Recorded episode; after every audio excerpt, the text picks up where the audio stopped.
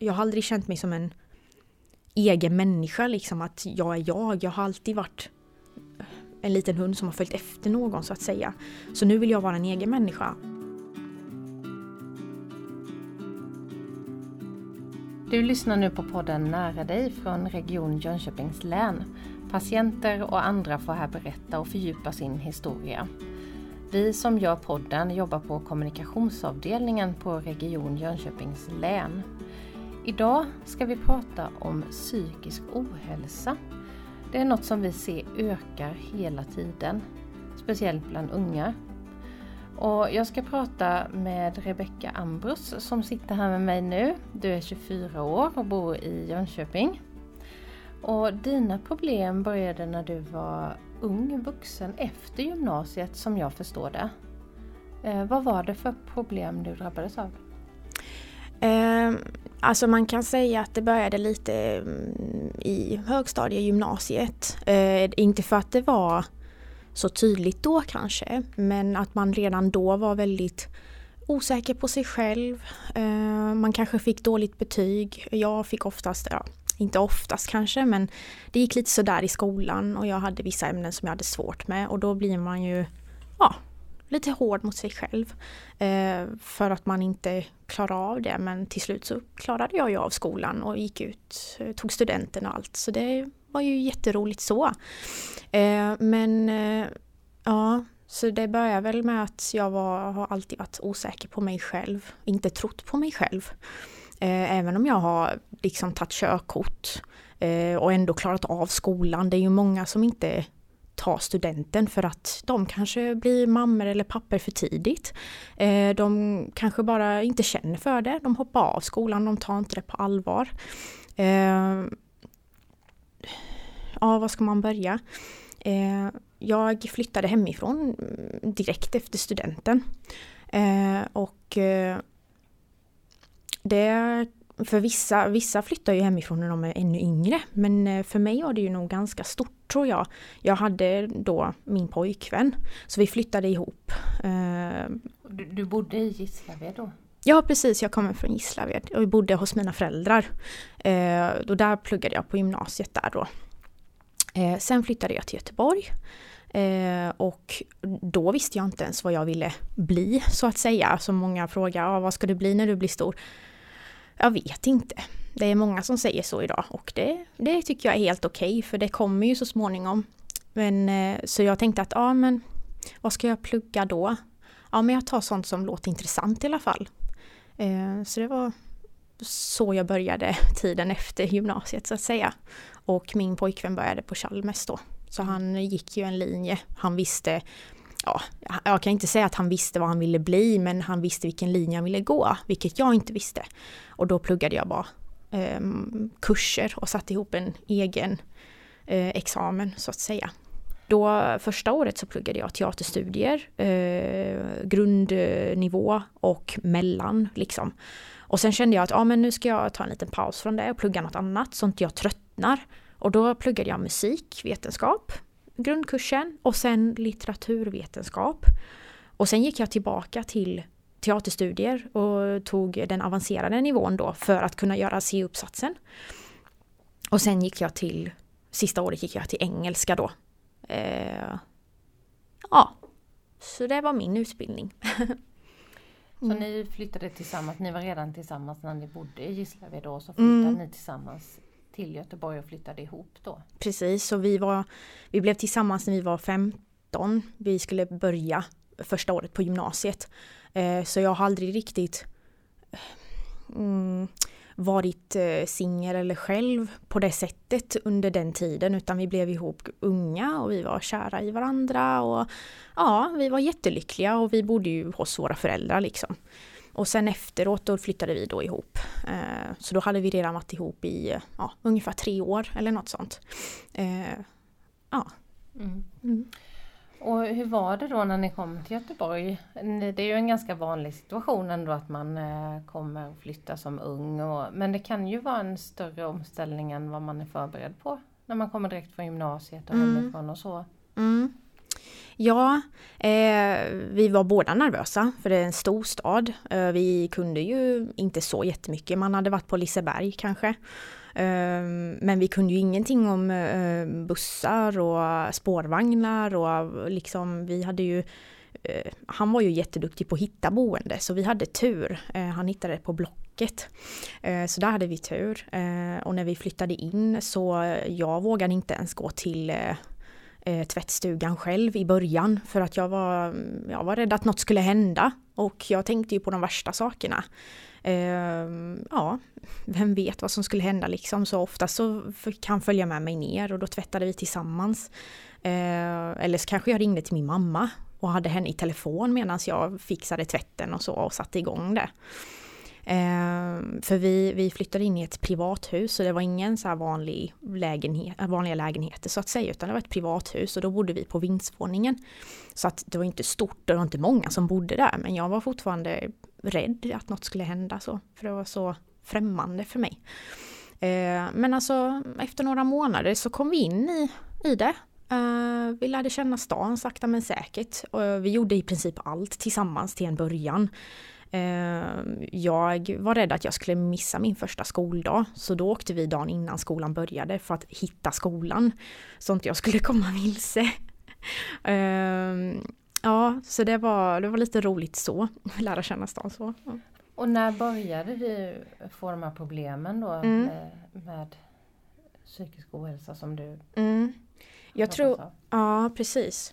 Jag tror det, det, det, trappades upp sakta liksom men säkert och blev värre och värre. Eh, dels för att jag var mycket ensam. Eh, jag vågade inte gå ut så mycket eh, ens. Men eh, till slut så tvingade jag ut mig själv att gå ut så. Och det, det gick ju bra så men det gjorde inte direkt någon skillnad så att säga utan ja, jag kunde gå och handla själv. Jag kunde gå till tvättstugan själv. Mm, ja, det var inte sådär, det var inte det jag ville ha riktigt. Jag var fortfarande ganska olycklig eh, och det hade absolut ingenting med min dåvarande pojkvän att göra utan det var nog mest mig själv det handlade om. Eh, och eh, ett år så eh, jag har ju som sagt alltid haft problem i skolan. Alltså jag, av någon anledning måste jag plugga extra men ändå har jag det svårt att få godkänt till exempel. Eh, så jag pluggade väldigt mycket och vissa dagar kanske jag hoppade över för jag var för trött och skoltrött. 2017 eh, och då är det, nu ska vi se, jag tog studenten 2014 och vad blir det då? Tre år senare mm. ungefär va? 2017 eh, eller var det 2016?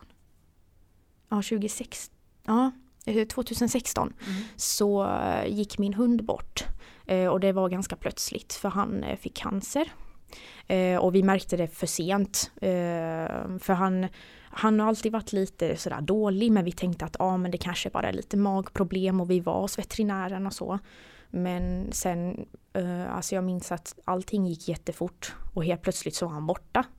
Eh, och det tog jag ganska hårt. Hela min familj tog det rätt så hårt att vi inte kunde inse det tidigare eller göra något åt det tidigare. Att vi kanske kunde ha räddat honom. Men eh, ja, det var för sent tyvärr. Eh, och det, tog, det var det första som, jag tror det var då min depression började liksom komma in. Eh, för jag sörjde väldigt länge och det gjorde min familj också. Eh, och som alla familjemedlemmar, visst är han en hund men han var en kär familjemedlem och det tog vi rätt så hårt. Eh, vi, vi hade liksom våra, alltså vi hade våra jobb sen eh, gymnasietiden så vi hade ju det som extrajobb där. Mm. Och när vi skulle börja plugga i Göteborg då ville vi ha kvar jobben. Eh, för att det är svårt att hitta jobb i Göteborg. Även om man är student så. Det är ju svårt. Och då tänkte vi att ja, men vi passar på att jobba kvar så länge vi orkar och får och kan. Eh, och jag blev av med jobbet. Jag tror det var en av de första sakerna innan min hund gick bort faktiskt. Att de avslutade mig bara sådär plötsligt. Och det var då jag fick ta mitt första lån också. För innan dess behövde inte vi ta lån. Vi klarade oss ganska bra ekonomiskt.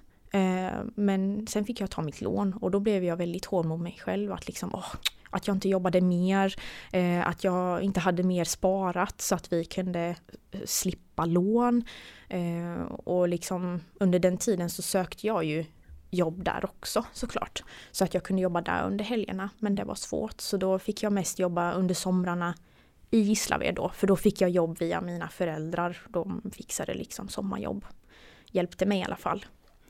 Mm. Men, men då pluggade du samtidigt under den här tiden också? Ja, somrarna var det ju ingenting såklart. Eh, det var ju sommarlov.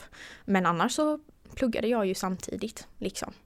Eh, och det var tufft. Det var riktigt tufft att pendla och så. Men ja, det, det gick ju bra ändå liksom. Mm. Eh, sen 2018 var mitt sista år. ja, förra året var mitt sista år Eh, i Göteborg. Eh, slutet av 2017, december 2017, då tog jag min examen. Då klarade jag liksom av plugget för det sista året där, det var riktigt tufft för mig. För jag hade ju drömmar och planer om att ah, jag ska plugga i tre år. Sen ska jag ta en välförtjänt semester under hela sommaren och bara slappa och njuta av livet. Det var det jag ville göra. Men eh, så klarade inte jag av då det och då insåg jag innan sommaren att eh, oj, nu, eh, nu kommer jag ju få gå ett halvår till för att jag inte klarade av plugget. Och då blev jag väldigt hård mot mig själv. Alltså jag kallade mig för ja, dum i huvudet, eh, trög, eh, att jag liksom inte kan klara av saker och ting i livet. Eh, och min pojkvän var ju där och stöttade mig ändå men tyvärr hjälpte inte hans ord hur mycket han än försökte och jag tror att det var det som gjorde att han tröttnade lite på mig till slut för han är en väldigt positiv och god och glad kille liksom. Eh, men ja, han tyckte att det blev jobbigt till slut att han inte kunde göra något åt mitt elände så att säga. Var du eh, dåligt förberedd eller vad man ska säga på sådana här saker, lite motgångar? Ja, det skulle jag nog kunna säga att jag var. För jag har själv alltid försökt att vara den där positiva tjejen även om jag får motgångar. Men då har det inte varit så stora motgångar utan då har jag ändå så här, ja, men ändå fortsatt att tänka positivt. För min familj också, Eh, jag har två äldre bröder och de gick igenom, jag vet inte exakt vad de gick igenom eller så, men jag visste att de hade en tuff tid när jag var, för jag är mycket yngre än dem. Eh, och då ville jag alltid vara den här positiva fläcken för dem. Så när de kom hem från skolan eller jobbet att de kunde bli glada av mig. Och samma sak med mina föräldrar som jobbade så mycket liksom. Eh, och idag är de alla lyckliga och mår bra liksom. Men ja, och då det känns skönt att det kändes skönt då att vara den som faktiskt var olycklig och som fick deras stöd tillbaka. Mm. Mm. Du fick, du fick ju faktiskt ganska många motgångar på varandra där. Mm. Men när blev det helt enkelt för mycket? Ja, eh, det var eh, jag insåg att jag slutade älska min pojkvän. Jag, det är inte så att jag inte brydde mig om honom, han är fortfarande en eh, nära vän till mig och så. Och det var han då också, men jag älskade inte honom på det sättet som en flickvän och pojkvän ska göra. Jag tappade intresse för honom. Eh, och då blev jag rädd över situationen. Jag undrade vad som skulle hända och tänkte mycket på eh, vad skulle hända när vi är slut? Vem flyttar? Eh, vart ska jag bo sen? Ska jag jobba? Ja, det var mycket, mm, många frågor liksom. Eh, så efter min examen då som jag tog 2017 Eh, så var jag arbetslös i en månad, hela januari månad förra året. Eh, och jag sökte jobb och sökte jobb och sökte jobb och jag fick ständigt nej och inga svar och jag gick på intervjuer och det kändes bra. Men sen hörde de hörde inte av sig sen. Och då blev jag också sådär, men varför hör de inte av sig? Är det något fel på mig? Eh, tyckte de inte om mig? Och då så försökte ju min pojkvän och mina, min familj säga att ja men det är inte dig det är fel på utan de hittade säkert någon annan med mer erfarenhet eller deras familjemedlem kanske fick steget före dig. Men jag, var fort, jag fortsatte och liksom bara nej men det är mig det är fel på liksom. Det, det är därför de inte vill ha mig. Eh, och Um, sen fick jag intresse för en annan kille uh, som började skriva till mig. Uh, och vi skrev till varandra och ja, i, till en början så var vi liksom vänner eller så. Men sen, ja, det förändrades liksom till slut och då insåg min pojkvän det. Och ja, en kväll så fick han nog och liksom satte ner foten och då gjorde han slut med mig. Eh, och det gjorde han rätt i liksom, det förtjänade jag. Men det jag inte förtjänade var att eh, känna mig som en, eh, eh, lite som en eh, liten tjej, eh, yngre tjej som har lekt färdigt med honom, så att säga. Det var den känslan jag fick. Eh, ja, för jag minns att jag, jag jobbade den dagen, för jag, till slut fick jag ett jobb. Så från februari förra året till då vi gjorde slut, då hade jag jobb och jag började trivas mer och mer i vår lägenhet. Jag började trivas mer med mitt liv. Jag började få in pengar så det kändes ändå bra men ändå var jag olycklig och gick lite bakom ryggen på min pojkvän. Men vid den här tidpunkten var mm. du redan deprimerad alltså? Ja, ja, jag var redan deprimerad på grund av allt som tidigare hade hänt med skolan och jobb och att jag hade tryckt ner mig själv. Eh, min hund som gick bort. Det var hade mycket. du sökt hjälp för det då? Det hade jag faktiskt inte. För jag tog inte det på så allvar. Eh, jag tänkte att ja, men det blir bättre liksom. Det blir bättre så länge jag liksom får jobb och börjar tjäna pengar. Det var därför jag mådde bättre när jag väl hade fått jobb. Eh, och då tänkte jag att ja, men, saker och ting kommer ordna sig eh, med arbetslivet. Men så tänkte inte jag med privatlivet. Och ja. Men vid det här tillfället då när det blev slut mellan er och allt det här hände, det här jobbiga då. Ehm, det var då som du verkligen kraschade? Det var då som jag verkligen kraschade. Helt plötsligt så var jag hemma i Gislaved igen i mitt flickrum, så kallade flickrum. Eh, och jag hade, ja, det mesta av mina saker var kvar uppe i Göteborg liksom. För att de, mina föräldrar plockade upp mig. Och sen helt plötsligt var jag där. Och det var, kändes tomt. Som om jag hade förlorat allt, även om jag hade mycket kvar. Men det, den känslan av tomhet hade jag. Eh, och dagen efter så var jag tvungen att säga upp mig från jobbet som jag faktiskt började tycka om. Eh, jag var tvungen att säga upp mig för det går inte att det går inte att pendla till Göteborg, speciellt om man jobbar i, eh, inom handel, för då fick jag jobba på ICA i olika butiker. Och det är tidiga morgnar och det är sena kvällar. Och jag bara sa till min eh, chef då att jag, jag är ledsen men jag måste sluta omgående. Liksom, det går inte med uppsägningstid. Och då gick hon med på det för hon förstod att ja, något hade hänt. Så då, hon var jättesnäll och gick med på det, min chef. Mm. mm. Men då när du mm. kom hem till Gislaved, då fick du eh, hjälp? Ja, eh, min eh, mor hade innan också varit i eh, depression liksom. Och då hade hon en terapeut. Eh, um, och den här kvinnan hjälpte min mamma väldigt mycket. Och då sa hon att ja men jag tycker att du ska gå till den här kvinnan, sa hon till mig, min mamma. Eh, hon är jätteduktig och eh, liksom mm, ja, eh, jordnära människa liksom. Eh, och det kan vara skönt att prata med någon som eh, inte kommer reagera eller en, liksom en gråzon så att du bara får ur dig allt liksom. Du kan säga att ja, men jag vill gå och döda den här personen även om du såklart inte menar det. Men hon kommer inte reagera, hon kommer inte bli sådär va? Eller sårad eller arg utan hon kommer sitta där, anteckna lite, ingenting mer liksom. Så jag bara, ja, men det låter ändå som en bra idé. Jag kan behöva få ur mig allt som jag har i mina tankar. Eh, och då började jag gå hos henne eh. Eh, första dagen, alltså det var hemskt var det. Jag grät så himla mycket. Eh, jag bara spottade ur mig allt som hade hänt och min hund som hade gått bort. Alltså alla små saker i livet. Jag bara gav henne all information och det som nyligen hade hänt. Eh, så vi började med de första gångerna att, att jag bara får ur mig saker. Så det var ingenting sådär, ja men nu, nu ska vi öva på det här och det här. Utan nej, först fick jag få ur mig allting så att hon får veta. Hon fick veta min bakgrund så att säga och det som hade hänt så att hon vet hur hon ska jobba med mig eh, efter några gånger.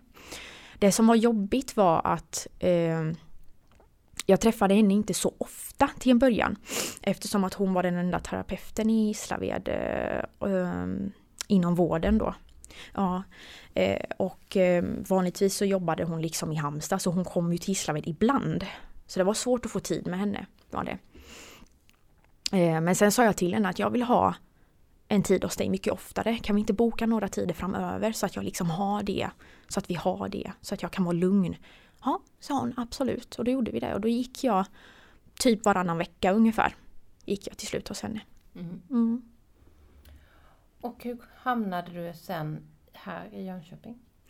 Eh, ja, eh, när jag hade flyttat tillbaks till Gislaved så eh, först så försökte jag bara landa igen.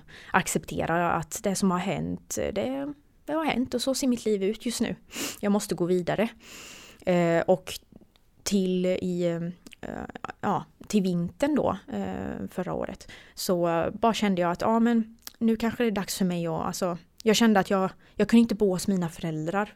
För jag, jag har aldrig känt mig som en egen människa liksom att jag är jag. Jag har alltid varit en liten hund som har följt efter någon så att säga.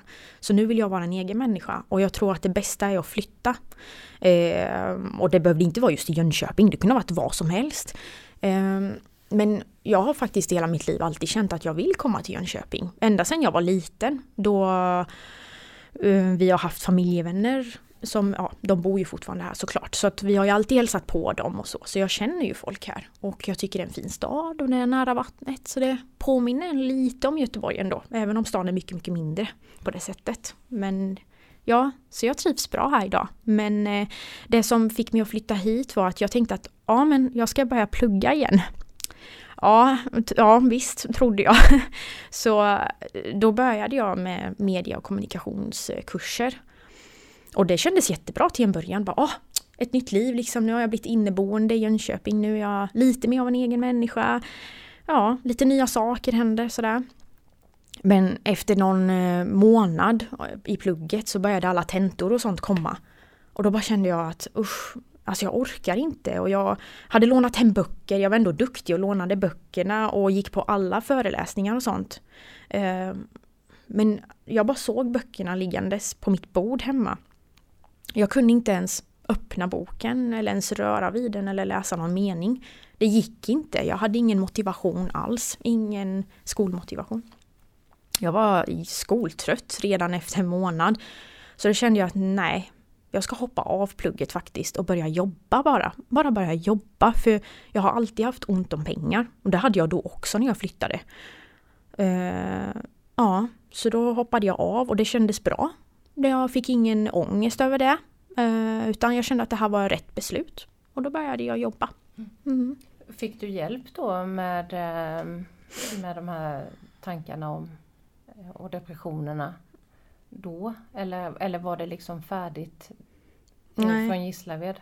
Ja, eh, precis. Nej, jag, var, jag kände att jag inte var färdig. Eh, utan jag, jag gick till min terapeut även om jag bodde här i Jönköping. Liksom. Jag eh, åkte, ja fast då träffade jag henne kanske någon gång i månaden så det blev ju mindre Det blev inte så ofta träffar med henne liksom utan Då träffade jag henne någon gång i månaden Och ja då pratade vi och jag fick lite saker att tänka på, typ övningar om hur jag ska inte oroa mig så mycket eh, och tänka på positiva saker i livet, försöka fokusera på nuet liksom, nuet och inte det som har hänt eller framtiden utan nuet.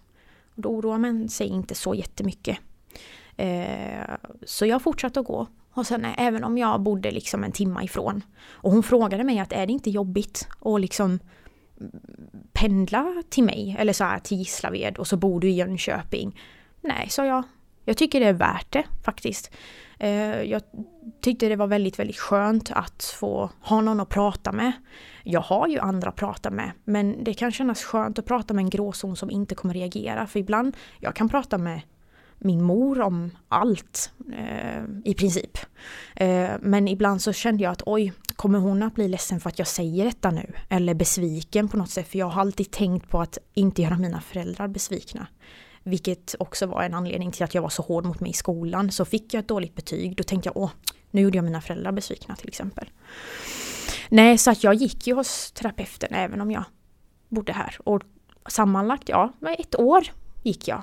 Och det räckte. För sen eh, sista gången jag var hos henne innan sommaren då sa hon att alltså jag rekommenderar att du hittar någon att prata med i Jönköping så du slipper pendla och så att det blir billigare för dig och så. Och om du känner att du behöver det såklart. Och då sa jag att ja men det ska jag göra men här är jag idag och jag går inte hos någon terapeut utan jag, jag pratar med nära vänner och familj. Mm. Ja. För det är ju som, precis som du själv säger att du har ju lagt mycket på dig själv mm. och varit hård mot dig själv och berätta, eller lagt mycket som har hänt utifrån också på mm. dig. Mm. Men hur gör du idag för att inte göra det? Eh, ja, eh, jag gör det fortfarande. Men jag börjar eh, inse att det inte är alltid jag som är felet utan jag har börjat inse att det är faktiskt de andra det är fel på. Och det är deras fel att jag kanske mår som jag gör. Eh, eller så. Och om jag har nedgångar så tänker jag bara att ja men eh, du har varit med om värre saker först och främst. Så att det här klarar du av. Eh, och jag är sån som mm, jag har inte tålamod så jag kan inte riktigt till exempel, ja, jag kunde knappt vänta att få det här jobbet eller så för att jag behövde verkligen det här jobbet som jag jobbar med idag. Eh, men jag hade ändå tålamod. Jag sökte och sökte och sökte jobb och liksom gick på intervjuer. Jag var mig själv och till slut fick jag ett jobb liksom. Eh, så aldrig ge upp heller.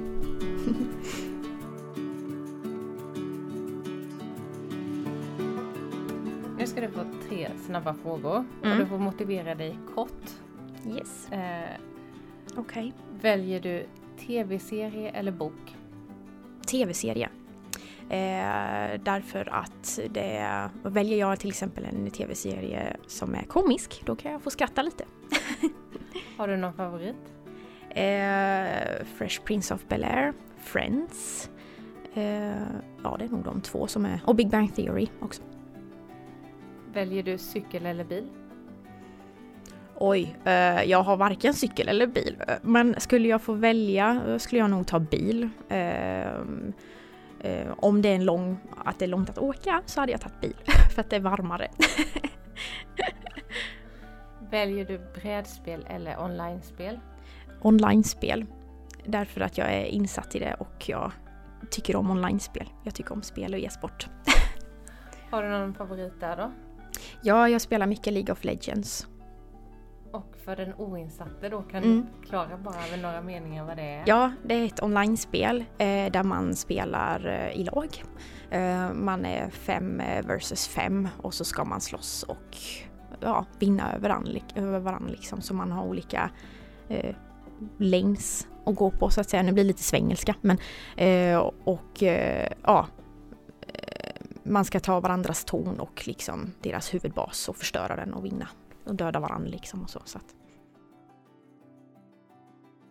Du har ju varit med i en teaterpjäs. Mm. Berätta lite om det, hur det kom sig. Ja. Och vad det handlade om. Ja, eh, när jag hade flyttat tillbaks till mina föräldrar i Gislaved så kände jag att jag måste göra sådana saker som eh, gör mig glad. Och jag har gått på teater sedan jag var liten. Och då gick jag i Gislaved hos samma eh, dramapedagog. Eh, och då när jag kom tillbaka så tänkte jag att ja men jag har ju min bästa vän som går där och andra vänner liksom. Så varför inte gå på teater igen? Och till en början så eh, visste vi inte att det var just om psykisk ohälsa vi skulle eh, göra en pjäs om eller så utan eh, min dramapedagog berättade om att ja, men hon har ett projekt eller att hon har fått ett erbjudande om att göra ett projekt som var liksom vår pjäs då. Men då visste vi inte någonting om det utan hon bara, men jag berättar mm, mer om detta efter två, tre gånger. Jaha, okej. Okay. Så då gjorde vi lite teaterövningar så att säga eh, och lärde känna varandra till en början. I två, tre omgångar. Vi, hade, vi, vi träffades då en gång i veckan liksom. Eh, och Ja, och sen berättade då min dramapedagog om att hon hade fått ett erbjudande att göra en eh, pjäs eh, eh, från eh, eh ja, av regionen Jönköpings län. Liksom. Att det var en man som han gjort en eh, enkät till, som han hade skickat ut till skolorna för att se liksom hur ungdomar mår idag. Eh, och det var i, inom åttonde klass och andra året på gymnasiet. Så då hade de fått svara på frågor Mm. Och result- den här Folkhälsoenkät Ung kan jag bara säga då. Ja, tack. Precis den ja. Folkhälsoenkäten Ung ja. Så han kom en dag och berättade att så här ser det ut. Och då, fick, då skulle vi skapa en pjäs eh, med inspiration från de resultaten då. Att vi skulle ta det in i pjäsen. Och för oss var det mycket lättare att använda våra egna erfarenheter och om vi hade varit med om något, för det är inte säkert att man har varit med om något eller så. Och det kan vara stora och små saker. Men det var mycket enklare för oss att använda våra egna erfarenheter och berätta vad som har hänt oss eller vad det är vi är bekymrade över eller som vi liksom har att göra med. Mm. Så det var lite så det föddes och jag minns att det var en av de första gångerna så sa så, så, eh, min dramapedagog att okej, okay, nu ska vi göra en övning. Vi ska plocka, vi ska ställa oss i en ring och så ska vi plocka en lapp från ett träd eller typ ett äpple eller så. Och det första vi tänker på ska vi liksom säga. Eh, och då, det var då hon berättade eh, om eh, och hon sa, jag tror hon sa typ att ja, det här är ett träd om psykisk ohälsa liksom. Ja, och så plockade vi och så gjorde vi sådär en och en. Och när det kom, när det kom till min tur så sa jag att eh, bra timing sa jag. För att det var då jag mådde som sämst. Och det var väldigt bra timing att vi skulle göra denna pjäsen så att jag liksom får eh, jobba på det och må bättre. Att jag får liksom lära mig att hantera situationen så att säga. Och då hon tittade på mig lite sådär tårögd och bara ja, ja. Gav mig en klapp på axeln sådär, bra sagt sådär. Och sen fortsatte vi liksom. Ja.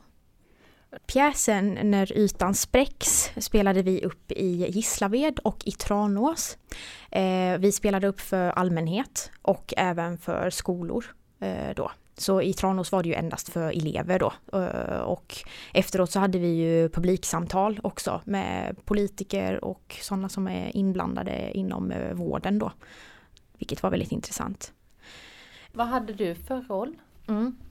Eh, till en början så hade vi inte sådär att vår dramapedagog sa att ja, men du har den här rollen och du har den och den och den. Utan vi fick eh, experimentera och leka lite med olika scener. Och då kände jag att jag, mitt bästa verktyg att berätta saker eh, genom dans och rörelser.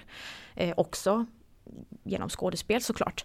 Eh, och då gjorde jag en koreografi eh, som handlar lite om eh, hur jag inte känner igen mig själv när jag ser mig själv i spegeln. Jag vet inte riktigt vem jag är. Eh, ja, vad jag vill bli. Alltså, när, ja, för det hände en dag att jag liksom var på jobbet i Göteborg. Och så kanske jag hade rast och gick på toaletten. Och så såg jag mig själv i spegeln och bara Jag känner inte igen mig själv. Vem, vem är jag liksom? Så det är lite det som min eh, koreografi handlade om då. Mm. Och, hur, och hur jag eh, inte skadade mig själv eh, fysiskt utan psykiskt. Så det var väldigt mycket, det var slag på mig själv i koreografin men det var inte riktigt, det var mer sådär, försökte berätta det mer som att jag skadade mig själv psykiskt eller så. Och det var mycket sådär gråt och så. Så det var många som blev tagna och det gör mig glad. Eh, att jag kunde berätta något och att de förstod hur jag har känt. Det var viktigast för mig. Vad har det betytt för dig att eh, få vara med då och jobba med det här förebyggande arbetet? Eh, det har betytt väldigt mycket. Eh, till en början var det ju såklart svårt att dela med mig av det jag varit med om och gått igenom. Det ju, ligger mig nära hjärtat och själen och det var jättejobbigt. Men jag visste att det här kommer ungdomarna behöva se. Att de är liksom hur, hur man än mår så är man inte ensam om det. Det finns andra som har mått så eller mår så idag liksom. Eller går igenom liknande eh, saker liksom.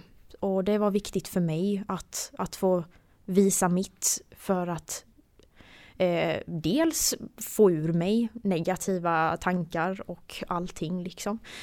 Eh, men också för att de ska se att oj, okej okay, hon har gått igenom detta, ja, men det är ju typ så jag också känner. Eller så, vad skönt att jag inte är ensam om det. Det är många som liksom har sagt det efter att vi har spelat upp det några gånger, även vuxna har också sagt att oj, ja, det känns skönt att veta att man inte är ensam om att man kanske har ångest eller oroar sig för mycket. Mm.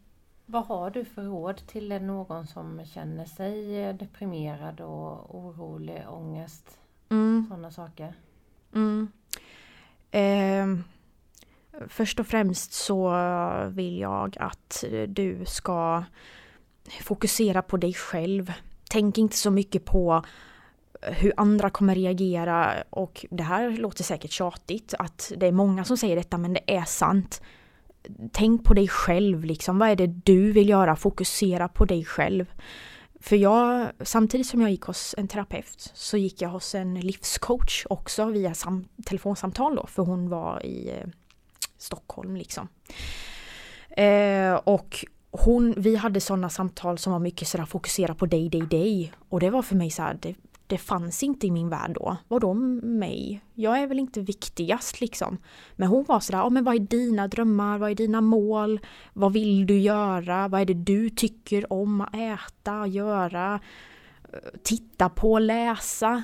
Och jag var så känslosam då när vi hade våra samtal för att jag, jag det var helt ofattbart. Jag kunde inte tänka mig en värld där jag tänker på mig först så att säga. Men du som är där i den sitsen idag, eh, ge, ge inte upp. Det kommer att bli bättre liksom. Fokusera på dig själv. Säg som det är till dina närmaste om, du, eh, om ni har så pass bra liksom, relation och att ni träffas. Säg att jag mår inte så bra just nu, var inte rädd för att säga det. Det är okej okay att må dåligt. Det är okej okay att gråta och vara arg. Eh, att vara deprimerad, man får vara det. Men gör inte saken värre genom att eh, sjunka i det liksom, utan tänk på dig själv och gör saker som får dig att må bra. Känner du att, ja men som jag lite, att jag, jag har ont om pengar, ja men skaffa ett jobb då. Eh, så att du kan få in pengar och då kan du liksom köpa kläder du vill ha eller saker eller spel då har du liksom råd att kanske gå ut med dina vänner och så. För ibland kände jag att ja, men jag vill inte gå ut till en bar och ta ett glas vin. För att jag hade inte råd. Men nu kommer jag få in lön snart. Och då kommer jag ha råd. Och det redan nu känns bra att jag har något att se fram emot. Eh, och fokusera på att Eh, ett andra råd, att fokusera på att vara i nuet. Tänk, glöm bort det som har hänt, för det som har hänt, det kan inte du ändra på ändå. Eh, du kan liksom inte fixa det, utan det kommer ligga där oavsett. Liksom, och du kan inte direkt gömma det heller. Utan en vacker dag så kommer det fram och man får helt enkelt acceptera det som har varit. Eh, och fokusera inte så mycket på framtiden heller. Ja, närmsta framtid som kanske en månad, eh, det behöver man tänka på eh, dels, eh, ja, och nu kommer jag tillbaka i den här jobbsituationen. Och att man ska kunna klara sig ekonomiskt så att man känner sig som en egen människa. Så fokusera på nuet, liksom det du gör just nu. Sitter du och läser en bok, ja men lukta på boken, känn på bladen eh, och liksom var inne i, din egna lilla värld, i din säng med en mysig filt. Eh, äter du så tänk på hur det smakar, liksom fokusera på maten och drickan som du dricker. Hur smakar det? Och är det gott liksom och tugga ordentligt, alltså var i nuet. Liksom. Mm. Mm. Om vi inte ska fokusera då på, på nuet, nu går mm. jag ifrån dina råd helt och hållet här. Ja. Eh, om du tänker på dig själv fem år framåt i tiden. Mm. Vad önskar du eller hoppas du eller tror du att du gör då? Mm, då, är, då ska vi se, då är jag, då är jag nästan 30. Um, ja, Eh, om du skulle ha frågat mig det förra året, då hade jag bara sagt att nej, jag har ingen aning. Eller så att jag vill inte ens tänka på det för att det, det är inte roligt. Eh, jag har fortfarande ingen aning. Det är liksom, man vet ju inte, det kan hända vad som helst om fem år. Men hade jag kunnat få drömma fritt så hade jag eh, eh, kanske velat påbörja någon familj kanske. Eh, ha ett bra jobb där jag inte jobbar med det som jag har jobbat med tidigare utan kanske något som har med min utbildning att göra. Eh, kanske ha en stor och fin lägenhet mitt i stan. Ja, kanske någon hund. Ja. Lycka till! Tack! Det låter fint. Ja, tack!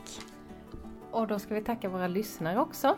Tack för att eh, du har lyssnat på podden Nära dig. Jag som intervjuade heter Alexandra Svedberg och det är Anna Lindman som har producerat. Har du synpunkter eller tips, hör av dig till oss på mejladressen kommunikation.rjl.se.